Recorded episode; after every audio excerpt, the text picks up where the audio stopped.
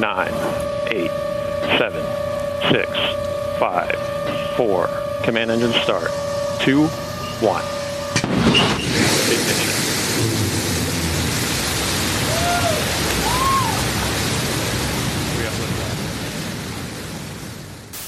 To all you kids down there, I was once a child with a dream, looking up to the stars.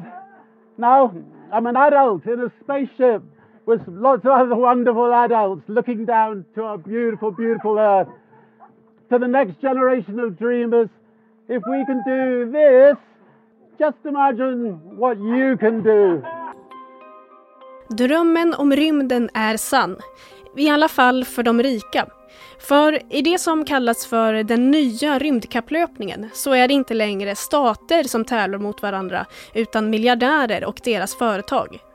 Och de senaste två veckorna har vi sett hur två utav dem, amerikanen Jeff Bezos och britten Richard Branson, har låtit sig skjutas ut till gränsen mot rymden för att avnjuta ett par minuters tyngdlöshet och en plats i historieböckerna. Men det är inte främst dessa herrar som vi ska prata om idag. Vi ska spola oss tillbaka 14 år i tiden och vi ska till Kiruna. As the space minister, but also the minister of tourism of the Swedish government, I welcome the agreement between the Swedish Space Corporation and Virgin Galactic, and now we can see the opening of the spaceport Sweden. I really hope that this will be successful. Året är 2007 och Maud Olofsson, dåvarande rymdminister som hon säger, inviger Spaceport Sweden, Sveriges bidrag till den nya rymdkapplöpningen. Men vad har hänt sedan dess? När kommer vi att se den första svenska rymdturisten? Kommer rymdresor rent utav bli den nya charterresan? Är rymdturismen ett litet steg för miljardären eller ett stort steg för mänskligheten? Allt det här och mycket mer pratar vi om i dagens avsnitt av Aftonbladet Daily. Jag heter Liv Elgenklöv. Och idag gästas vi av Karin Nilsdotter som är VD för Spaceport Sweden. Och hon får börja med att berätta vad som har hänt sedan 2007. Vi har jobbat Sverige för att förbereda Sverige eh, och att industriutveckla faktiskt och säkerställa att vi har alla eh, saker på plats som behövs för att vi ska kunna attrahera de här aktörerna att komma till Sverige. Eh, om man hade hoppats eh, att de här aktörerna skulle börja flyga mycket tidigare än vad de har gjort. Så att det har tagit lång tid och det är rocket science eh, som man säger. Det har tagit tid att utveckla de här farkosterna helt enkelt. Så att det vi har jobbat med det har ju varit diverse förstudier, eh, teknikstudier, affärscasen. Vi har utvecklat en portfölj med produkter och tjänster. Eh, för det vi ser det är ju att vi vill skapa en rymddestination. Det här ska inte bara vara, bara, man säger, men en portal mot, mot rymden utan man ska kunna uppleva rymden också i luften och på jorden. Eh, och självklart ska det vara som en motor i ett samhälle där vi också jobbar mot just utbildning, akademi, forskning, eh, teknikutveckling, tekniköverföring, eh, startups och så vidare. Eh, och det vi väntar på i Sverige just nu, eh, som gör att vi inte kommer längre, det är att eh, rymdlagen håller på att uppdateras. Vad är det i lagen som hindrar, som hindrar det? Den omfattas inte av eh, bemannad rymdfart. För när lagen skrevs för länge sedan så visste man inte då att det skulle utvecklas den här typen av farkoster och att Sverige och då skulle kunna vara ett värdland för bemannade rymdflygningar. Så att den behöver kompletteras egentligen. Det, enligt de utredningar vi har gjort med juridiska experter och, och, tekniska experter så menar man på att rymdlagen egentligen är ganska enkel i Sverige och den säger just det att, att för att bedriva eh, verksamhet behöver man tillstånd från regeringen Eh, och då säger vi okej, okay, vi vill söka tillstånd, men då finns det som sagt ingen ansökningsblankett för oss. Det finns inget tillståndsförfarande. Eh, och det är det vi vill liksom, att rymdlagen då ska omfatta, att det här går att, att få på plats. Men när kommer, vi, när kommer vi då, alltså när kommer vi se den eh, första svenska rymdturisten som, som åker från Kiruna, tror du? Eh, ja, det är ju helt beroende då på om vi får det här tillståndsförfarandet på plats. Eh, för får vi det, då kan vi gå vidare i våra affärsdiskussioner med rymdoperatörerna.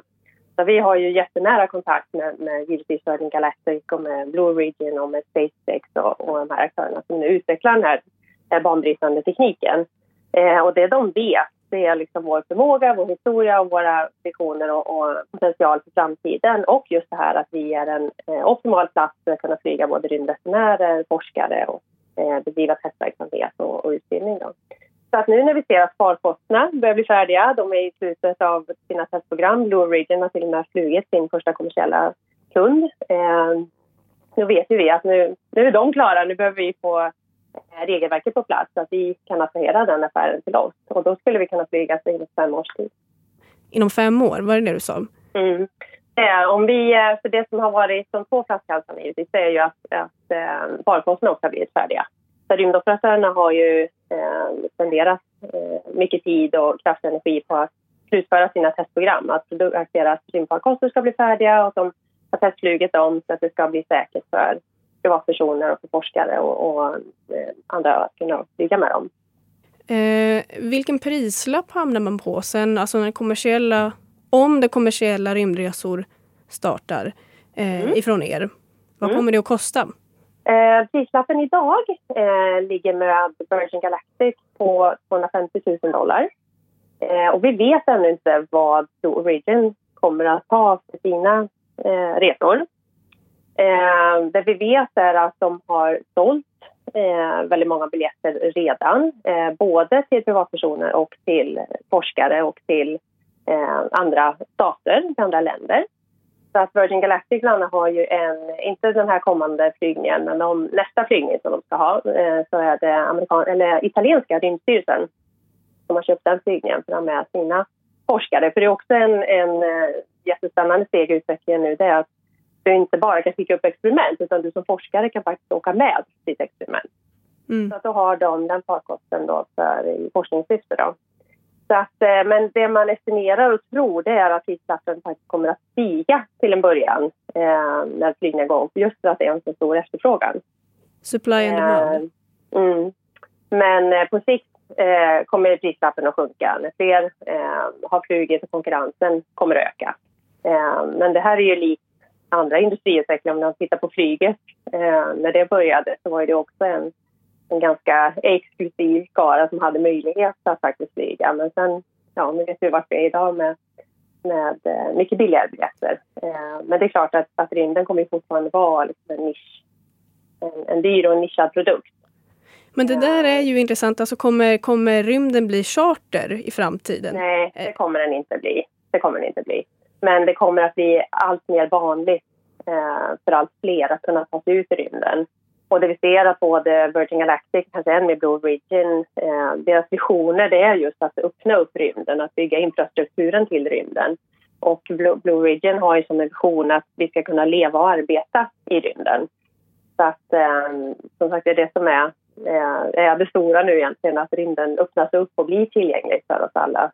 Tidigare så har ju bara, ja det är färre än 600 människor eh, under 50 plus år som har, som har varit i rymden. Så det har varit väldigt, eh, det har varit svårt och dyrt eh, att ta sig ut i rymden och det är en väldigt viktig eh, infrastruktur för oss just för att kunna bedriva också forskning och utveckling och eh, innovation och inte minst ta oss längre ut och kunna lära oss om vårt eget solsystem och, och förstå och lära oss mer om vår egen jord. Men eh, det är ju också någonting som sticker i ögonen på många människor. Att eh, man lägger sådana enorma summor pengar på att eh, miljardärer är några minuter i tyngdlöshet i, i rymden. Och att man, ja, att de här pengarna, att man, man hade kanske kunnat använda dem till att göra stor nytta i andra stora globala, globala frågor som att bekämpa fattigdom till exempel eller mm. möta klimatkrisen. Eh, hur ser du på den här kritiken? Mm. Nej men absolut så är det ju alltid eh, liksom när, när något nytt kommer och jag tror det är viktigt eh, eh, ur flera aspekter det som händer nu. Alltså det, det är företag som tar ledningen i att faktiskt öppna upp rymden och att eh, tillgängliggöra den.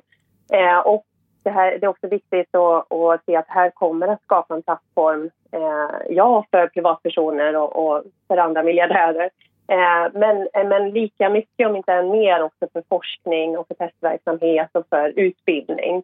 Eh, rymden har alltid varit en, en kritisk miljö för oss för att kunna forska och förstå om vår egen jord och förstå vad som händer med vårt klimat. vi ser nu till exempel hur man utvecklar allt mindre och mer effektiva satelliter och satelliter som hjälper oss att ta bilder av vår jord eh, så att vi förstår mer vad som händer med klimatet och vad, vad som händer med miljön och hur allt som skogar och fiskebestånd och så vidare, och hur det påverkas. Eh, så att det hjälper oss i vårt miljöarbete. Eh, så att det, är, det, är, det ena ska liksom inte utesluta det andra eh, utan det är, verkligen, det är en miljö vi måste ha tillgång till för att kunna hjälpa vår jord. Sedan tror jag också att det är de här människorna som kommer ut nu och särskilt de som har råd och möjlighet att åka till en början, det är oftast som du säger, det är människor som har mycket pengar eh, och som kanske också har makt till viss del och som faktiskt kan vara med och påverka att man engagerar sig än mer i de här frågorna. Men kommer, som... det att, men kommer det att vara... Går, kommer ekvationen att gå, gå ut i slutändan? För det krävs ju enorma mängder koldioxidutsläpp för att nå upp till atmosfärens gräns. Och, och den liksom medvetenheten som det eventuellt föder, kommer det att kunna väga upp till de utsläppen som då drar tillbaka? Mm. Eh, ja, alltså jag anser alltså, ju det. det är min, eh, jag menar på att vi måste, alltså, att inte ta oss ut i rymden är inte ett, ett alternativ utan vi måste det för att liksom, förstå och jobba mer med, med vår jord. Eh, sedan så får man ju sätta det i sammanhang. Alltså när man, ehm, eh, de raketer och de eh, satelliter och det som skjuts upp idag. Jag tror för två år sedan så stod det för 0,00059 eh, procent av alla utsläpp. Eh, så all transport påverkar ju miljön, självklart. Eh, men vi måste också titta på vad nyttan är med att faktiskt kunna ta oss ut i rymden. Och just Virgin Galactic och Blue Origins farkost, eh, de, de är motorerna igång i, i en respektive två minuter. Om man jämför det med en resa mellan Paris och New York, tror jag. och jag tror att man, som sagt, all, all transport påverkar miljön men man måste också titta på vad uppsidan är, hur vi kan använda de här farkosterna eh, och hur människorna som faktiskt åker med kan vara med och påverka eh, och jobba för eh, att skapa en, en bättre lösning för jorden och engagera sig i de här frågorna.